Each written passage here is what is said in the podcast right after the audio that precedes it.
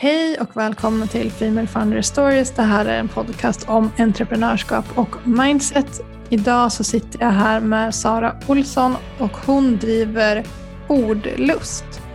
Så Sara, kan inte du berätta vad Ordlust är och vem du är och hur allting som du gör liksom ryms under det här paraplyet?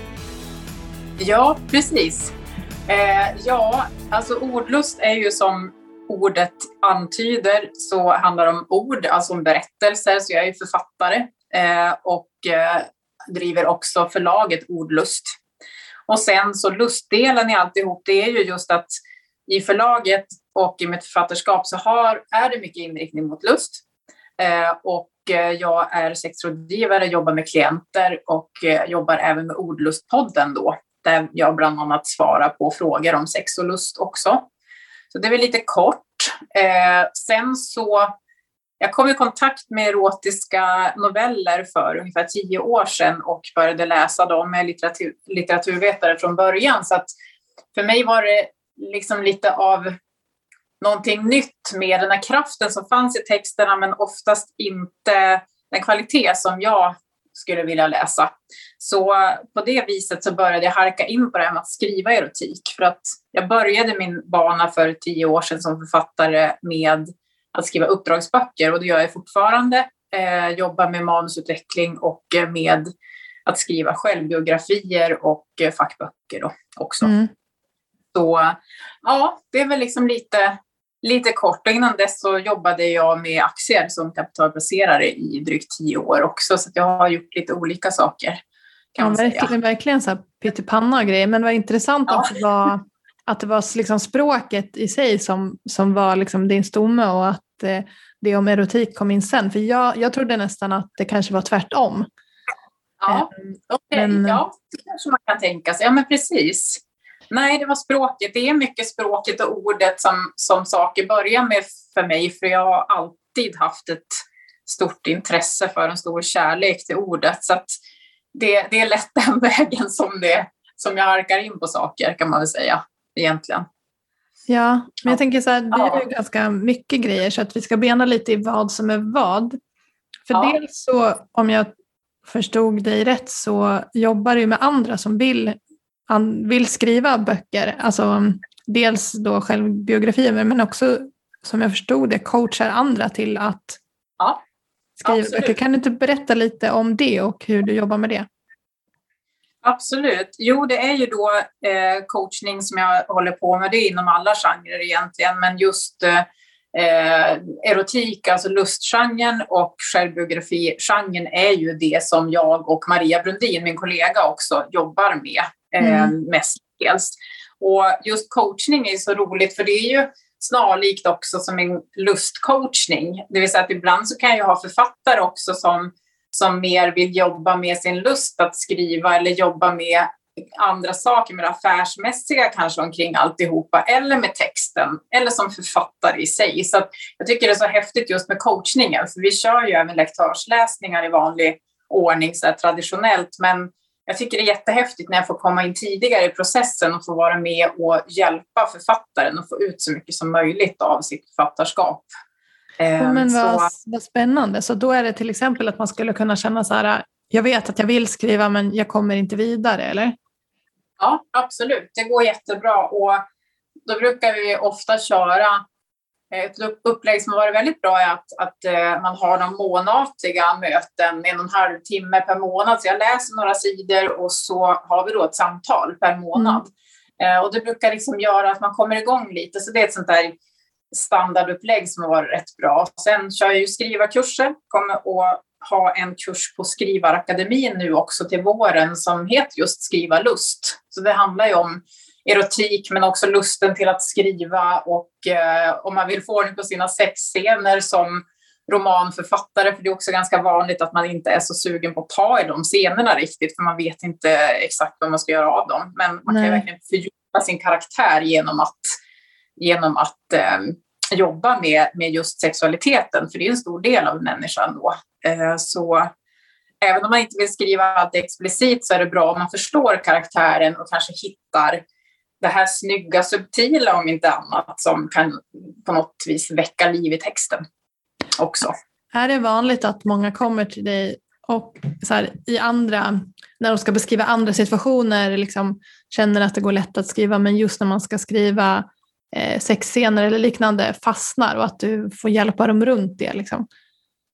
Ja, jo men absolut. Det, det finns en, en del av det och det finns också många som är sugna på att skriva lust och erotik som kanske inte absolut vill ge ut det utan att man mer vill utveckla sig själv. Och då halkar man in lite grann mot sexrådgivningsdelen där också. Att jag kan ju använda det, alltså skrivandet, även i min coachning där. Så att där glider det ju samman lite grann också i, i coachningarna, i vad som är vad, så att säga, att det är mer personutveckling kanske, än att det är eh, litterärt. Så det finns liksom hela skalan där då, just inom den genren. Ja, men vad spännande. Då ja. förstår jag liksom din ingång mer också, för det känns som att oavsett hur ja. du jobbar med en person så är det, som du sa, texten som, eller orden ja. som driver det på något sätt. Ja, absolut. Och sen är det ju också utvecklingen hos människan. Det är det som är så häftigt också tycker jag. Både det, man kan se såklart eh, hos sig själv över tid, men att, att hjälpa människor att att se när någonting faller på plats, om det så är en text eller om det är mer sexualiteten eller personutveckling. Det är ju jättehäftigt tycker jag att få vara med om. Ehm, så det, det är det riktigt roliga med coachningen också, oavsett om det gäller text eller, eller då människa mot sexrådgivning. Ja, jag tänkte vi ska stanna kvar lite vid coachingen innan vi pratar om förlaget mm. i sig. Men hur kommer det sig då att om du som har mer en språklig bakgrund, eh, var det ett naturligt steg att också glida in mot så här, eh, sexrådgivning i sig från att du har skrivit erotik? Eller var det liksom, hur kom det sig att du tog det steget också? Ja men precis, alltså det var nog sociala medier som i sig, för jag startade ett Twitterkonto för, ja, det är inte tio, jag vet inte, kanske nio år sedan eller så, eh, startade jag ett sånt. Och där skrev jag en del poetiska texter, mycket haiku från början, japansk diktform och, och även en del mot det erotiska hållet. Och så började människor att fråga mig saker sådär och jag försökte väl svara efter bästa förmåga. Sen började jag känna att, alltså, om, som hade då om sex och lust att göra. Och, och jag började känna att det här är ju väldigt roligt. Eh, och i och med att jag halkade in också mer mot att skriva erotik, ville starta det här förlaget, eh, så så kände jag på något sätt att ja, men det här borde jag ju förkovra mig mer inom. Eh, så jag utbildade mig till sexrådgivare också då, en yrkesutbildning eh, till det. Så, så på den vägen var det. Så att alltihop har liksom kommit som sagt ur, ur språket, men sen har ju intresset då för människoutvecklingen i det där. Även att skriva en karaktär är ju att utveckla en människa på något ja. sätt. Så det, det hänger samman mer än vad man kanske först tänker på sådär.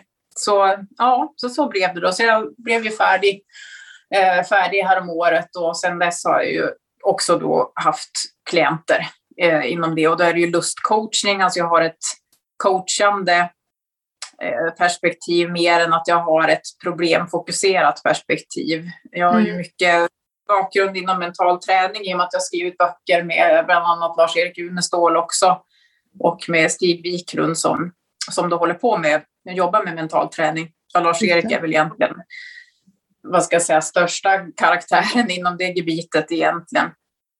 Eh, och första. Så, så därför så har jag det med mig. Så att jag jobbar väldigt mycket utifrån de principerna eh, även här. För jag tycker att just den här, ja men det som, det som idrottsmän gör fungerar väldigt bra för andra också, tycker jag. Så att det, ja, vilket intressant. Eh, alltså, för man kan, när, när jag skulle prata med dig så tänkte jag, men hur, hur ska allt det här liksom gå ihop? Men det blir ju verkligen sömnlöst på ett sätt. Det är det som är så roligt när man faktiskt får här, borra in sig i någons företag och att vi ska få hänga med på din resa. Så det ska bli superkul. Jag tänkte att vi ska ja. gå över lite på det här med förlaget. Hur, ja. hur, hur kommer det sig att man bara ska starta ett förlag? Och så här, jag vet att du sa att du, du tyckte att språket i det du läste var för, liksom för undermåligt. Så ja. var, det, var det självklart då att det var ett förlag du skulle starta direkt eller började du på något annat sätt först? Ja, men det är en bra fråga. Jag började faktiskt i änden om jag skulle ha någon typ av plattform för eh, för erotiska texter på något sätt. Det var liksom första steget jag tog och även gjorde en del eh, marknadsundersökningar och så. Det fanns ju verkligen jättepotential inom det. Eh, men jag kände att på något sätt så halkade jag mer mot förlagshållet för att jag ville göra någonting mer. Jag ville kunna ge ut längre texter, ville kunna ha en lite annan profil kanske än, än vad det hade blivit om jag bara skulle haft erotiska noveller som jag allra först tänkte. Mm. Så, så därför blev det naturligt att eh, då snegla mer mot förlagshållet och det tog ju några år för jag påbörjade det här säkert för, det måste vara fem, sex år sedan jag började kolla just den här plattforms eh, delen då i det hela och eh, sen så är det ju nu två år sedan ganska precis jag startade förlaget i och med att vi gav ut då till en dolt under jord. Mm. Så, eh, och den har ju då ett tydligt erotiskt spår också kan man ju lugnt säga i och med att eh, i och att det handlar om, om eh, Victoria som är en eh, streberkvinna kan man säga, som är väldigt sexuell, tar för sig, otroligt rolig karaktär att skriva, för det finns liksom ingen gräns i henne överhuvudtaget, en riktig doer. Och sen är det då träffar hon Jack som är naprapat, lite tillbakadragen och som drömmer om att mörda människor, även de som han då behandlar på bordet, så att säga de här två möts eh, och det har ju sina konsekvenser på något sätt förstås. Ja. Eh, så det var, det var en väldigt rolig start för Adobe och det var ju också det som kändes så härligt på något sätt att, att kunna få ha kanske lite olika genrer. Ibland så går det mot thriller som i det fallet. Sen har vi då gett ut min roman Dead and Alive och vi har Maria Brundins Lyda-serien som vi nu ska släppa två avsnitt till på papper nu i vår. Eh, och så där, för att den finns ju då i fem delar snart. Och sen har vi Sofia Lövgrens En lustfylld tågresa som vi släppte i våras och som vi kommer att släppa en del till då nu till våren. Mm. Och det blir digitalt. Så att det var ju till att bygga upp de här eh, distributionskedjorna också med papper och med, med digitalt och så där. Så det var ju lite pyssel med det. Men kände ändå att äh, förlag blir bra för mm. mig. Det här. Um, ja. Och sen... Du har ju hjälpt andra skriva böcker också, eh, ja. som du var inne på. Så att starta förlaget kanske inte var det första du gjorde som entreprenör i sig om jag eh, tolkar tidslinjen Nej. rätt. Liksom. Nej, precis. För jag skrev ju flera uppdragsböcker först och då jobbade jag väldigt tajt också med Ekelids förlag så jag har ju gett ut flera böcker tillsammans med dem och nu i höstas var jag också med på en coachningsresa och sen tog jag redaktörsjobbet för Titti Sjöbloms Född i rampljuset. Eh, så, så jag har ju jobbat och fått med mig erfarenheter från att, att jobba med dem och det har varit jättebra och skapat mig nätverk framför allt åt alla möjliga håll senaste mm. fem, sex åren som jag påbörjade det här plattformsarbetet. Och det i sig tar ju sin tid och är en väldigt viktig del av allting också. Att eh, ha människor runt sig som kan lösa olika saker eh, på resan. Så, där. så, så att, ja. absolut, det har ju varit en, en ganska lång resa på så sätt. Det har det. Men det är det jag tycker är intressant, att man får se hur, hur det liksom har utvecklat sig. För att annars tycker jag oftast i entreprenörskapssammanhang att man kanske så här, så gick jag och pitchade den här idén och fick massa invest investerare och sen så eh, blev det ett miljardbolag direkt. Liksom. Och det är roligare att följa med på någons resa eh, i en helt annan värld än just den där klassiska eh, ja. skaffa kapital och bygga techbolagsentreprenören. Vilket också ja. är jättekul, men det här är ett, liksom ett, ett, annat sätt. Jag tycker det är superroligt att få prata med dig idag. Jag tänkte på, du sa att du eh, jobbade med aktier innan och då antar jag kanske som anställd då. Så när var klivet du tog över att du ville bli egen helt? Mm. Precis, ja det var ju precis i skarven till när jag hade, jag hade skrivit en uppdragsbok och det var med Helena Ekholm hade jag, och Stig Wiklund. Eh, då hade jag skrivit den boken och så skulle jag skriva med Johan Olsson och Anna Olsson. Eh, och då kände jag att nej, jag hinner inte jobba, för jag jobbade på Handelsbanken med kapitalplaceringar tidigare och eh, kände att jag hinner inte med det här för dessutom så hade vi en treåring och en eh, liten hyresfastighet också som, som vi skulle på något vis få ihop tiden till allt detta. Mm. Så då tog jag steget och hoppade, så det var alltså 2013 då. Så det var precis i början av de här uppdragsböckerna, alltså den resan som, som jag då hoppade av. Jag fick helt enkelt välja, för att det gick ju inte att jobba 250 procent, på att säga, utan man måste ju på något sätt eh, hitta någon, någon, rimlig väg också. Ja. Men då var det liksom att du hade fått in de här uppdragsböckerna innan så att du hade, hade ändå testat på att det fanns en ja. form av liksom, ja. behov av det du kunde då. Hur kommer det sig att du fick in de första böckerna? Eh, det var ju då för att när jag började egentligen precis när sonen föddes för 11, snart 12 år sedan, det var då jag startade upp min, min firma och tänkte börja så smått med att skriva. Eh, I och med att, som sagt, jag hade den här litteraturvetarbakgrunden från början, alltid velat skriva och kände att nej, men nu ska jag göra någonting av det här. Och det är alltså tre år innan detta eh, hopp. Mm. Så att jag tog ju på mig lite saker och sådär och sen så var det då eh, Stig Wiklund som jag fick kontakt med och som tyckte att ja, men du kanske skulle passa ihop med Helena Ekholm för att jag vill att vi ska skriva en bok ihop. Och sen så träffades vi och så på den vägen blev det då. Så det var några år där när jag trevade runt lite grann, hade småbarn hemma, jobbade och ja, stökade på helt enkelt med allt möjligt där innan jag liksom kom igång och fick det där den där, det där startskottet som behövdes. Mm. Och sen i och med att det blev så snabbt på, för det släpptes ju två uppdragsböcker då samma år, 2013. Och det var ju precis där som jag, på våren där som jag kände att nu hinner jag inte med mig för att jag, jag mäktar inte med att, att både skriva så här pass med sån här pass fart som det gäller. När man, ofta när man skriver uppdragsböcker så är ju det på kortare tid också kanske än man alltid gör med skönlitterära böcker, att man har inte samma typ av deadlines som man har, utan det är ju mer att man har ett projekt på några månader och då ska man ju lösa den här uppgiften. Så att det är ju inte någonting man, man kan liksom göra väldigt mycket annat samtidigt som, om man Nej. säger. Nej. Eh, så ja, så det var där. Den, sen har det, var det ju 2015 så där som jag började då som sagt med plattformen Eh, och fundera på den. Och samtidigt så hittade jag en del samarbetspartners som till exempel Martin Falkman som jag då skrev eh, Dolt under jord med. Ehm, så ja. Vad Ungefär så. Spännande. Jag tänker på ja. Oj, nu blev vi så peppade på varandra att vi pratade ja. om det kanske.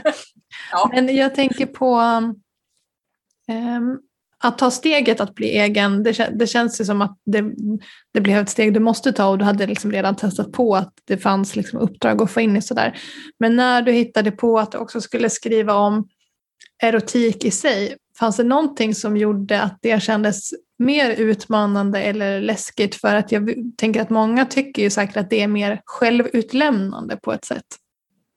Ja, ja det kanske man skulle tänka sig, på något sätt har det känts väldigt naturligt för mig hela tiden. Sen har väl det också varit en process såklart i hur, eh, ja, men, hur det känns inför det. Det är klart att jag växer väl i uppgiften eftersom också, men det har hela tiden känts som att men varför är det här så stor grej alltså mm. att prata om? Eller att, eh, så att jag har nog Ja, det var nog snarare så att när jag väl förstod att det här ska jag göra någonting av, då hittade jag hem på något sätt också, känns det som. Så att, så att för mig har det varit väldigt naturligt hela tiden och känns ju mer och mer så.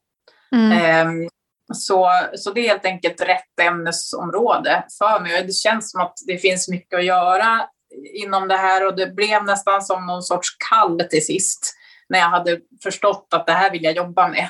Mm. Så ja, så, att, så det känns väldigt viktigt att, att eh, jobba med och för öppenhet och acceptans och framför allt också att människor ska få må bättre, precis som det var då i hela den här egentligen mental tränings, de böcker jag har skrivit om det också, så var det ju mycket det att om man mår bra så presterar man bra. Och det är ju samma sak i, inom det sexuella egentligen också, så att jag kan ju använda samma tekniker där eh, som, som används inom mental träning och så. Mm. Så det har känts väldigt naturligt tycker jag, alltihopa egentligen, när jag väl hade kommit på att det här vill jag göra. Vad skulle du säga, det kanske liksom touchar lite på det du sa att det nästan är ett kall, men vad skulle du säga är ditt varför i ditt entreprenörskap generellt oavsett liksom vilket ben i företaget du jobbar på för stunden? Ja, eh, jo men det är ju just egentligen det här som, som jag sa nu, eh, mm. alltså att, att verkligen få människor att eh, söka coachning, söka hjälp för att må så bra som det bara går. Så det är liksom grunden i alltihopa. Där kommer ju såklart berättelserna in också med att jag vill ju att vi ska sprida våra ordlustberättelser, för de är ju normtänjande, de berättelser som vi har på lite olika sätt. Vi vill ju väcka diskussioner och väcka tankar och också hitta det här vackra och sensuella. Sensualismen känns det som att den är lite borttappad, så det är väl också en del utav, utav det jag vill eh, få fram mer, att, att människor kan bejaka det som mm. är sensualism för dem just. Och det behöver inte se ut på ett visst sätt, utan bara att man... Så det är väl det som är, som är grunden till att jag vill jobba med det här så väldigt mycket egentligen. Har du upplevt någon situation i ditt bolag som, som du tänkt så här, åh gud, jag vet inte hur jag ska ta mig förbi det här och i så fall hur har du kommit förbi det? Eller liksom en situation du kanske tvivlat på din förmåga och hur, hur, hur har du mentalt tagit dig förbi det då? Ja, precis. Ja, det är en bra fråga. Alltså, nu startade vi upp förlaget precis eh, före en pandemi och det var ju en utmaning i sig. Just mm. för att när man har ett nytt förlag så är det väldigt bra om man kan vara ute med sina pappersböcker hos människor på olika sätt och signera, prata med läsare och så där. Och den delen försvann ju helt. Jag hade den med trillen i början när vi släppte den, men sen var ju stängt helt enkelt för allt sånt. Så där undrade jag ju såklart lite grann vad, vad, vad gör vi nu? Eller vad, vad gör jag nu? För jag hade ju precis fått, fått in Maria som författare i, i förlaget också och hon började jobba med mig också förra sommaren nu då, i Ordlust.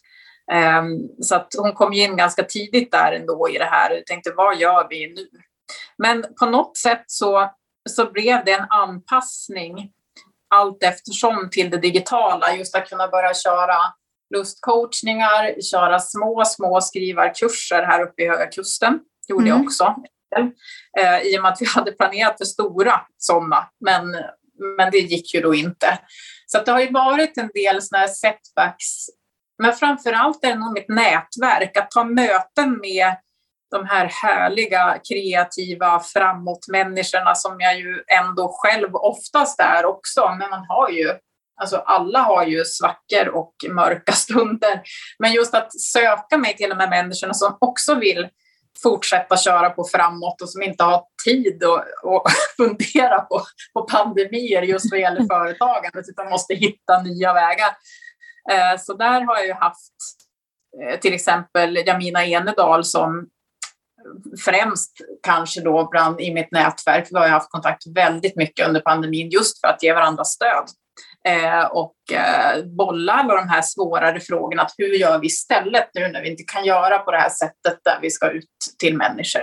Det har varit de stora frågorna de här åren, egentligen de senaste åren kan jag väl säga. Eh, men vi har hittat en, en bra väg till sist. Och nu funkar det ju liksom oavsett, men det är klart det är roligt om man får vara ute bland människor också. Det är det ju. Eh, och dessutom bra, för att det blir som en annan möjlighet att sälja också, när man kan ha lite evenemang och sådär. Så att eh, vi har löst eftersom helt enkelt det som har dykt upp. Jag har haft väldigt mycket hjälp på mitt nätverk om man tänker sig som Almi och som sådana ja, parter också som, och även mentorer och sådär som jag har som jag liksom kan bolla med. Så det är väl mycket människorna runt mig som, som jag har tagit stöd utav på olika sätt. Det är främst i samtal och pepp. Liksom. Mm. Sådär. Mm. Vad gör du om fem år tror du? Om fem år? Alltså, jag tänker mig att jag då gör ungefär det jag gör nu, eh, men att, att jag har fått en bra balans i så att jag kan vara ute med, med våra böcker, men också fina samarbeten. Vi har ju en del på gång med, med just sådana här plattformar som jag pratade om från början, som vi nu har samarbeten med istället. Mm. Och det känns jätteroligt. Vi släpper till exempel snart en novellserie tillsammans med um, Ava Stories. Och det känns ju jättekul, till exempel. Så att fina samarbeten som vi då kan göra större projekt inom. Mm. Um, och även då gärna mot uh, tv, filmsidan på något sätt också, radioteater, alltså att, att vi liksom uh, kan bygga på det som vi har påbörjat nu med ljudböcker och så också. Så att uh, ja, det, se större projekt, fina samarbetspartners och snarlikt som idag för övrigt, alltså det är ju det här som är basen egentligen mm. i allt det här nu. Precis. Jag tänker på det här med att bli entreprenör generellt. Har du känt att alla har förstått det livsvalet eh, som man ändå tar? Nej, det, det kanske inte alla har gjort riktigt, men jag måste säga att det har varit väldigt positivt omkring det mot vad jag kanske hade förväntat mig med tanke på min inriktning mm. också, vilket ja. jag blir väldigt glad för. Men det kanske är också för att jag att man förhoppningsvis ser att jag bottnar så i det själv, så därför så blir det positivt även för den som den som hör eller som, som ser det så. Men visst är det lite konstigt val att, att kan man tycka så där på över ytan i alla fall, att, att hoppa av en tjänst som är väldigt bra och hoppa in i någonting som är otroligt eh, osäkert. Så det är klart att det är säkert många som har tänkt mer än vad de har sagt också, men det får de ju göra i så fall. ja. också. Finns det ja. någonting som du känner att så här, ja, jag fick faktiskt offra det här, men det var värt det? Ja, alltså det är klart att, att jag får ju offra, men så är det väl lite grann ändå att, att få offra mycket, mycket av det här, vad ska jag säga, vardags, vardagslyxen och, och kanske också det här med, med att umgås med människor i större omfattning. För det finns ju inte riktigt tid till allting. Mm. Så det har jag väl känt ibland att jag lägger väldigt mycket tid och kraft på det här. Eh, men å andra sidan så har jag ju fått väldigt många vänner som, som också tänker så, som är inom samma gebit också. Så jag har ju fått så mycket på vägen så jag tycker att därmed är det också värt det. Mm. Och så. Men, det, men visst, det är väl det egentligen. Hur ser du till att eh, ja, både du kanske som entreprenör i sig men också bolaget hela tiden utvecklas och hänger med? Ja, precis. Um, ja, alltså det är ju just egentligen återigen att jag ser till att jag har bra parter kring mig att prata med. Att jag har mm. alla från som sagt Almi-regionen, banken, sådana parter och väldigt goda kontakter där. Eh, men också att, att jag bollar med mina kloka eh, företagare kring mig. Och då behöver det inte vara inom samma bransch ens. Ibland är det nästan en fördel om man är i olika branscher för att man ser saker, man är inte så insnöad på Nej, just den branschen. Så det är nog egentligen att på något vis eh, korsbefrukta alla de här idéerna som man kan tänkas ha och landa i någonting bra. Så att hela tiden stämma av. Var är jag någonstans? Um, och sen så har vi ju ett bra team inom Ordlust då, med jag och Maria och även Fredrik som, som hjälper till och säljer och som har varit med mig på flera år av den här resan nu egentligen. Uh, så att där har jag också några att bolla med så man inte bara sitter i sitt eget huvud för det funkar ju aldrig. Uh, det skulle jag säga. Inte ens när man tänker sig att man skriver en bok att det skulle vara lite ensamvargsarbete men jag tycker det blir mycket bättre om man är flera oavsett om det gäller text eller företagande eller vad det nu är för någonting, så ska man inte sitta ensam med det. Nej. Eh, det är lika bra då, helt enkelt. Du nämnde lite snabbt i förbifarten, förbifarten heter det, att du hade mentorer. Vill, här, även om du inte berättar exakt vilka de är, men hur, hur ja. fick du tag i dem? Eh, ja, den, den ena är ju egentligen eh, någon som har hängt med, som, som eh, jobbar just med innovationer tidigare, eh, mm. men som har hoppat av det, men som jag har kvar och kan bolla med fortfarande då. Han finns i min hemstad Sundsvall där. Eh, och så där, Anders. Och sen så, så har jag ju sådana som som nästan kanske inte uttalade sådana, men som jag ändå kan bolla väldigt mycket med. Eh, mm. Som har varit med väldigt länge inom entreprenörssvängen. Eh, och, så också. och delvis har jag fått hjälp via regionen också med det. Att eh, få med en part som jag kunnat sitta och diskutera en del med. Så jag har nyttjat också de här möjligheterna som finns som jag har förstått också hos, hos Almi så är det ju ganska vanligt att kvinnor inte tar den hjälpen. Jag tänkte det kan ju vara lite intressant just i det här sammanhanget också och ja. fundera på varför det är så. Men, men jag tycker att det finns jättemycket hjälp att, att få. Då tänker jag mer på de här mjuka sakerna också, liksom att kunna få, kanske inte absolut alltid bara pengarna i sig utan att faktiskt få till sig den här, det här stödet som behövs för att man ska kunna utveckla och förstå vilka vägar som är bäst att ta i olika ja. lägen. Ja, precis. Jag tänkte på det andra du sa innan jag frågade om mentorer var att du inte tycker att det är särskilt bra att se liksom skrivandet i sig som, en, som ett ensamjobb heller. Eh, Nej. Om det är någon som lyssnar på podden och tänker så här, åh det låter så spännande att börja skriva, jag jag skulle vilja göra det. Vad är liksom dina bästa tips för att komma igång med det? Ja. Eh, det allra första är att hitta tidslottar. Alltså att man hittar en stund, gärna per dag eller åtminstone sån här regelbundenhet i det. Är det en stund på bussen eller är det, ja, alltså att man hittar tiden eh, mm. till det.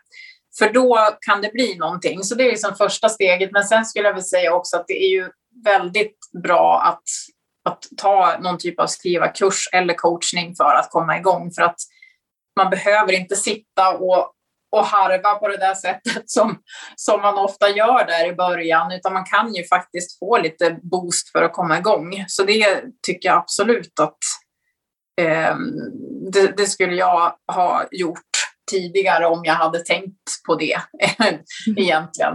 Ja. Ehm, jag gick ju en, en kurs tidigt i kreativt skrivande i samband med att jag läste litteraturvetenskapen också, för det gick ju inom samma ämnesområde där och det var ju väldigt givande i sig. Så det var ju, jag fick ju lite grann med mig där.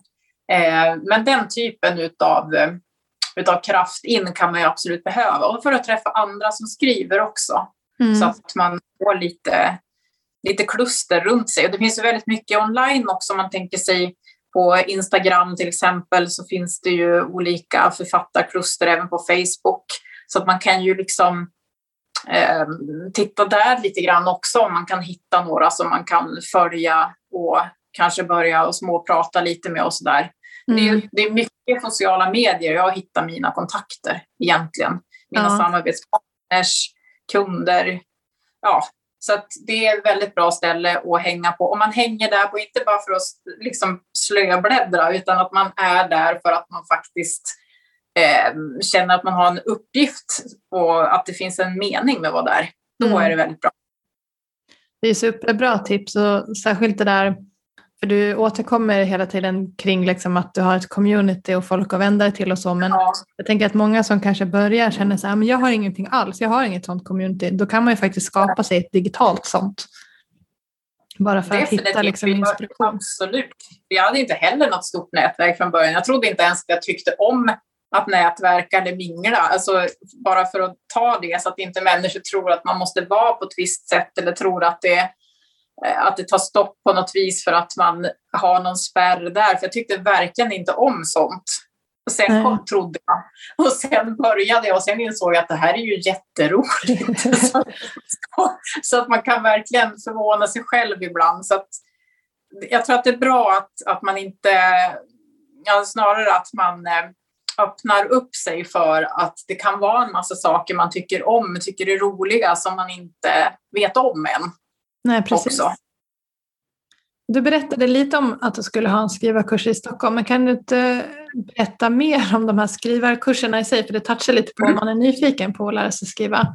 Alltså, Absolut. Hur ofta du har dem och vart och hur? Ja, precis. Jo, nu kommer det att vara, här på vårvintern kommer vi att köra två stycken skrivarkurser i Höga Kusten. Ehm, man kan eh, hitta oss på Skriva liv och lust på Instagram eller också går man in på ordlust.se såklart också. Ehm, men, men där kommer vi att ha två skriva kurser som är för alla. Så att det är jag och Erik Grundström som kör dem tillsammans. Eh, han läste faktiskt min första uppdragsbok där, 2012 måste det ha varit, och som han läste den. Och sen har vi hängt ihop sen dess. Och han är en riktig eh, gammal räv inom manusutveckling och har suttit i Författarförbundets styrelse och haft förlag själv och så där. Så det är en väldigt rolig kombination. Vi är lite olika på vissa sätt, men ja, på andra passar vi jättebra ihop och kan komplettera också då mm. varandra bra. För han kommer ju från kultursidan och jag kommer liksom mer från företagarhållet in i, i det här. Och från, ja, så, så att det känns jättekul. Så han och jag kör där och så har vi också individuell skrivcoachning som ingår så att alla får prata med oss båda även individuellt och det tycker vi är jätteviktigt för det är då man kan påbörja det här med vad är mitt författarskap för någonting, vad är det för manus jag har om man har något sånt med sig då, att man har påbörjat någonting redan. Eller om man är helt ny, så det passar verkligen för alla, för man får med sig verktyg och man får egen tid. Så att vi då kan liksom anpassa efter alla. Sen har vi en manuskurs också i maj och den är också i Höga Kusten, på Hotell Höga Kusten är det. Eh, och den är för de som då har kommit en bit med sitt skrivande men som då vill träffas en helg för att verkligen få färdigt sitt manus och se vad är det för någonting som återstår och få verktyg utifrån de förutsättningarna. Då. Mm. Det, det, är de tre kurserna vi kör i vår och sen har jag ju då min på Skrivarakademin i Stockholm också som går då från februari till april och den är inriktad mot att skriva lust i sig. Mm. Ehm, och skrivlust dessutom ingår där också så att man verkligen får med sig eh, båda de delarna men att man ska kunna skriva erotik när man går därifrån i tanken i alla fall. Mm. Sådär. Och, Vad bra. Ja. Jag tycker det är så intressant också för att när du berättar om det här så blir det också en liten minilektion i hur man kan paketera allting och det blir enhetligt. Ja. För man, man kan, om man, om man ska vara lite krass så kan man tänka sig, men gud, hur får man ihop så att man skriver och också är sexcoach och blir inte det spretigt? Men det är det som är grejen, att det blir inte det, för du sätter ju liksom din lilla paketering ja. på det som slår in det i ett litet paket med rosett nästan. Så jag tycker att eh, det här blir liksom en liten minilektion i hur någon har gjort det också, när du berättar om det här. Ja, men vad kul. Vad ja. roligt att höra. Jag ja, tänkte... för mig känns det som att det hör ihop sådär, så det är viktigt att det, det, det är härligt med den rosetten, den kändes bra. ja, vad bra. ja. ja. Du pratade lite om att hänga liksom mer medvetet på sociala medier och, och liksom eh, ge sig själv inspiration och sådär. Hur har du använt sociala medier i ditt entreprenörskap just för att bygga varumärke? Har det liksom ja. blivit naturligt? Har du jobbat aktivt med det? Har du haft någon strategi som du känner funkat extra bra? Vi snackade lite inledningsvis innan vi började spela in podden om att det är så viktigt med personen bakom bolaget. Har det varit viktigt för dig att hela tiden lyfta fram det även i början ja. av ordluststart? Liksom? Var många ja, frågor i ett. Men...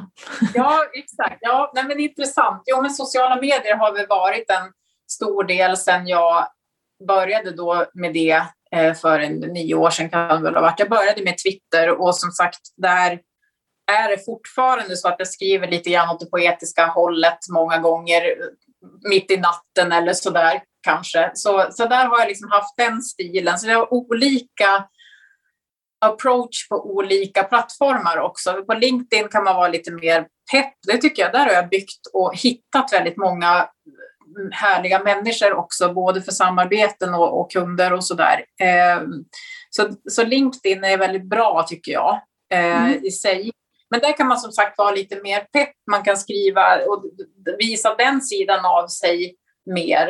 Eh, Twitter och Instagram har jag använt mycket för att då kliver jag ut på scenen också så att jag får lov att släppa från mig en text. Alltså jag skriver den precis när jag sitter där, eh, släpper ifrån mig den och då har jag gått ut på scenen så att jag också kan gå och sätta mig vid datorn och eh, skriva skönlitterärt.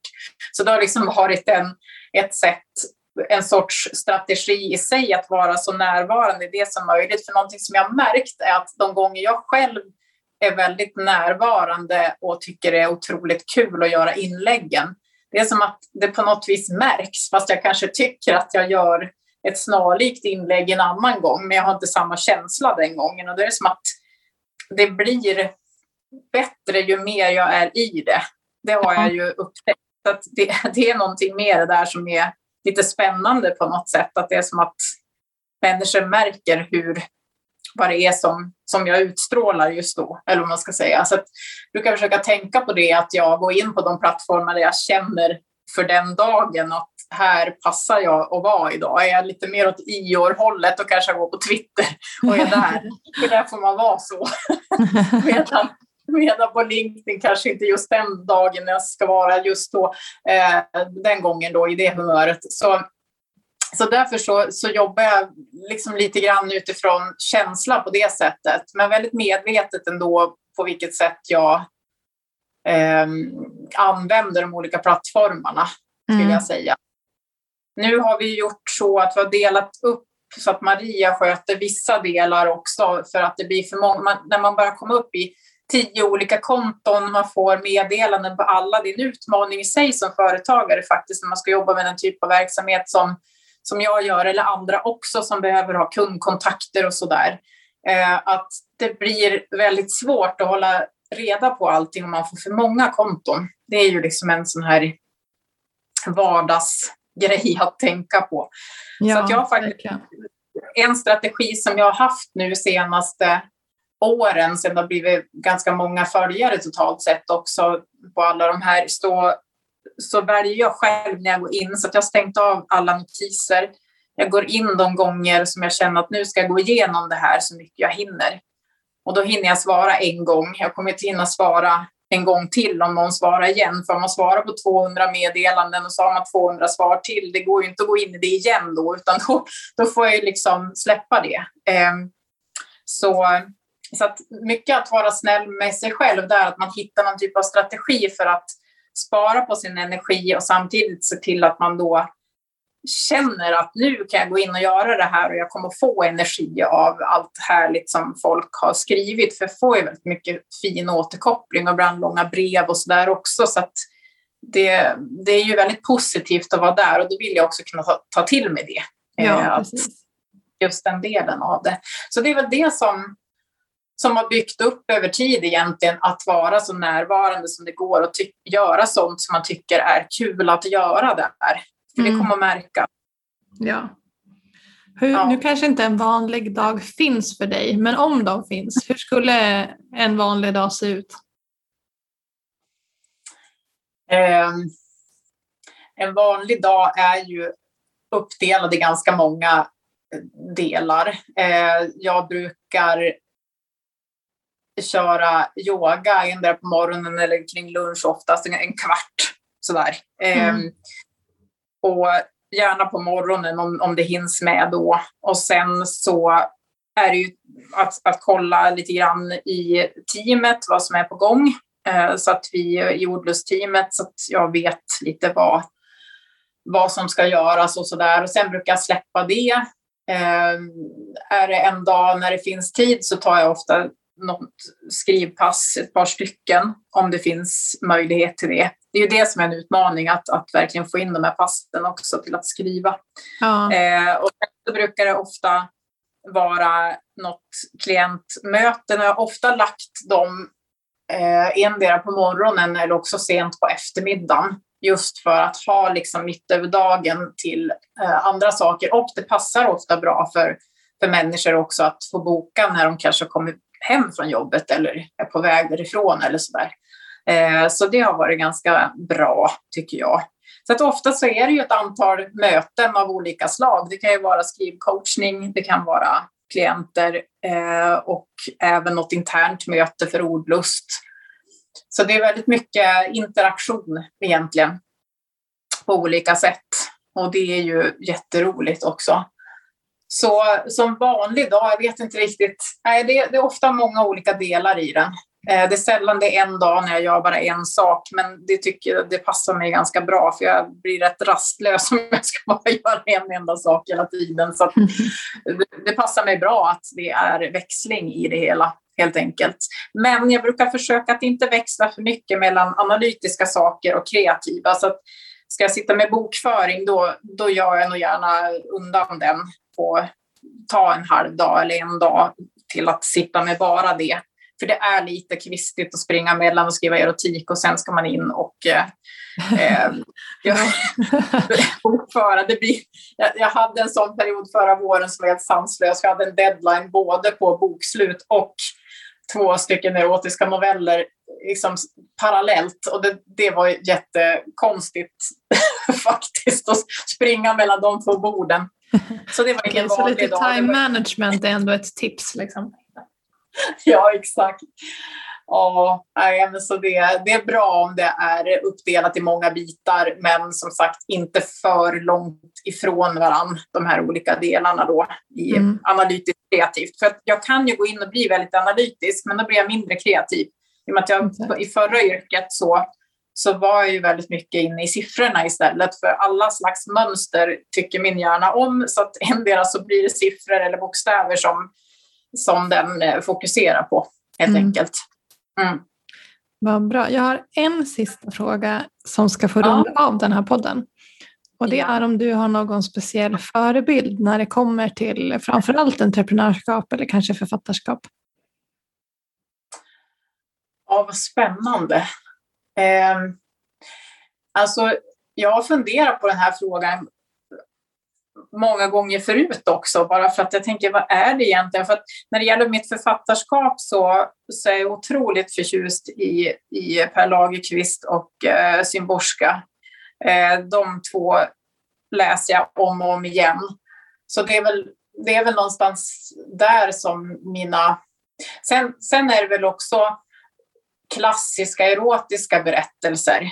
Eh, berättelsen om O till exempel, eller ja, men de, de här riktigt stora eh, där. Men det är ingen... Alltså jag kan tänka min mamma faktiskt, för hon var rätt tidig med att ha en karriär och att vara chef inom sitt område och, och så där. Så det oftast är det henne jag tänker mest på, liksom när jag, att var jag fått det här ifrån, att man kan göra vad man, vad man vill. Mm. Eh, så, så, landar jag nog faktiskt mycket där varje gång jag har liksom tänkt på det här. För det är ju rätt spännande att fundera på. Och det är, ja. Många tycker också att det är väldigt viktigt att tidigt hitta någon, men jag var inte riktigt på det. När andra liksom hade idoler av olika slag så var det nog mer att jag tyckte Viktor Borge var häftig som kunde spela piano på det där sättet och var en sån artist. Så jag tror jag har haft lite konstiga idoler i hela mitt liv liksom på det viset. Lite så, här, um, så ja, det blir nog mamma i ja. första hand här då. För att hon stack ut på sitt sätt. Liksom. Jag tycker det är en fantastisk förebild. Ja. Ja. Så jag tänker att vi, vi får runda av med ja. mamma. Så, och det kommer säkert vara några fler som tänker så här, ja, min förebild kanske är närmare än vad jag tror. Ja.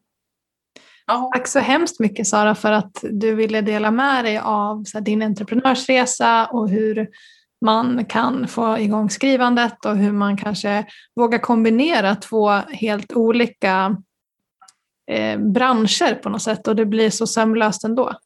Um, ja. Jag tror att du har inspirerat jättemånga under det här samtalet så tack för att du var med.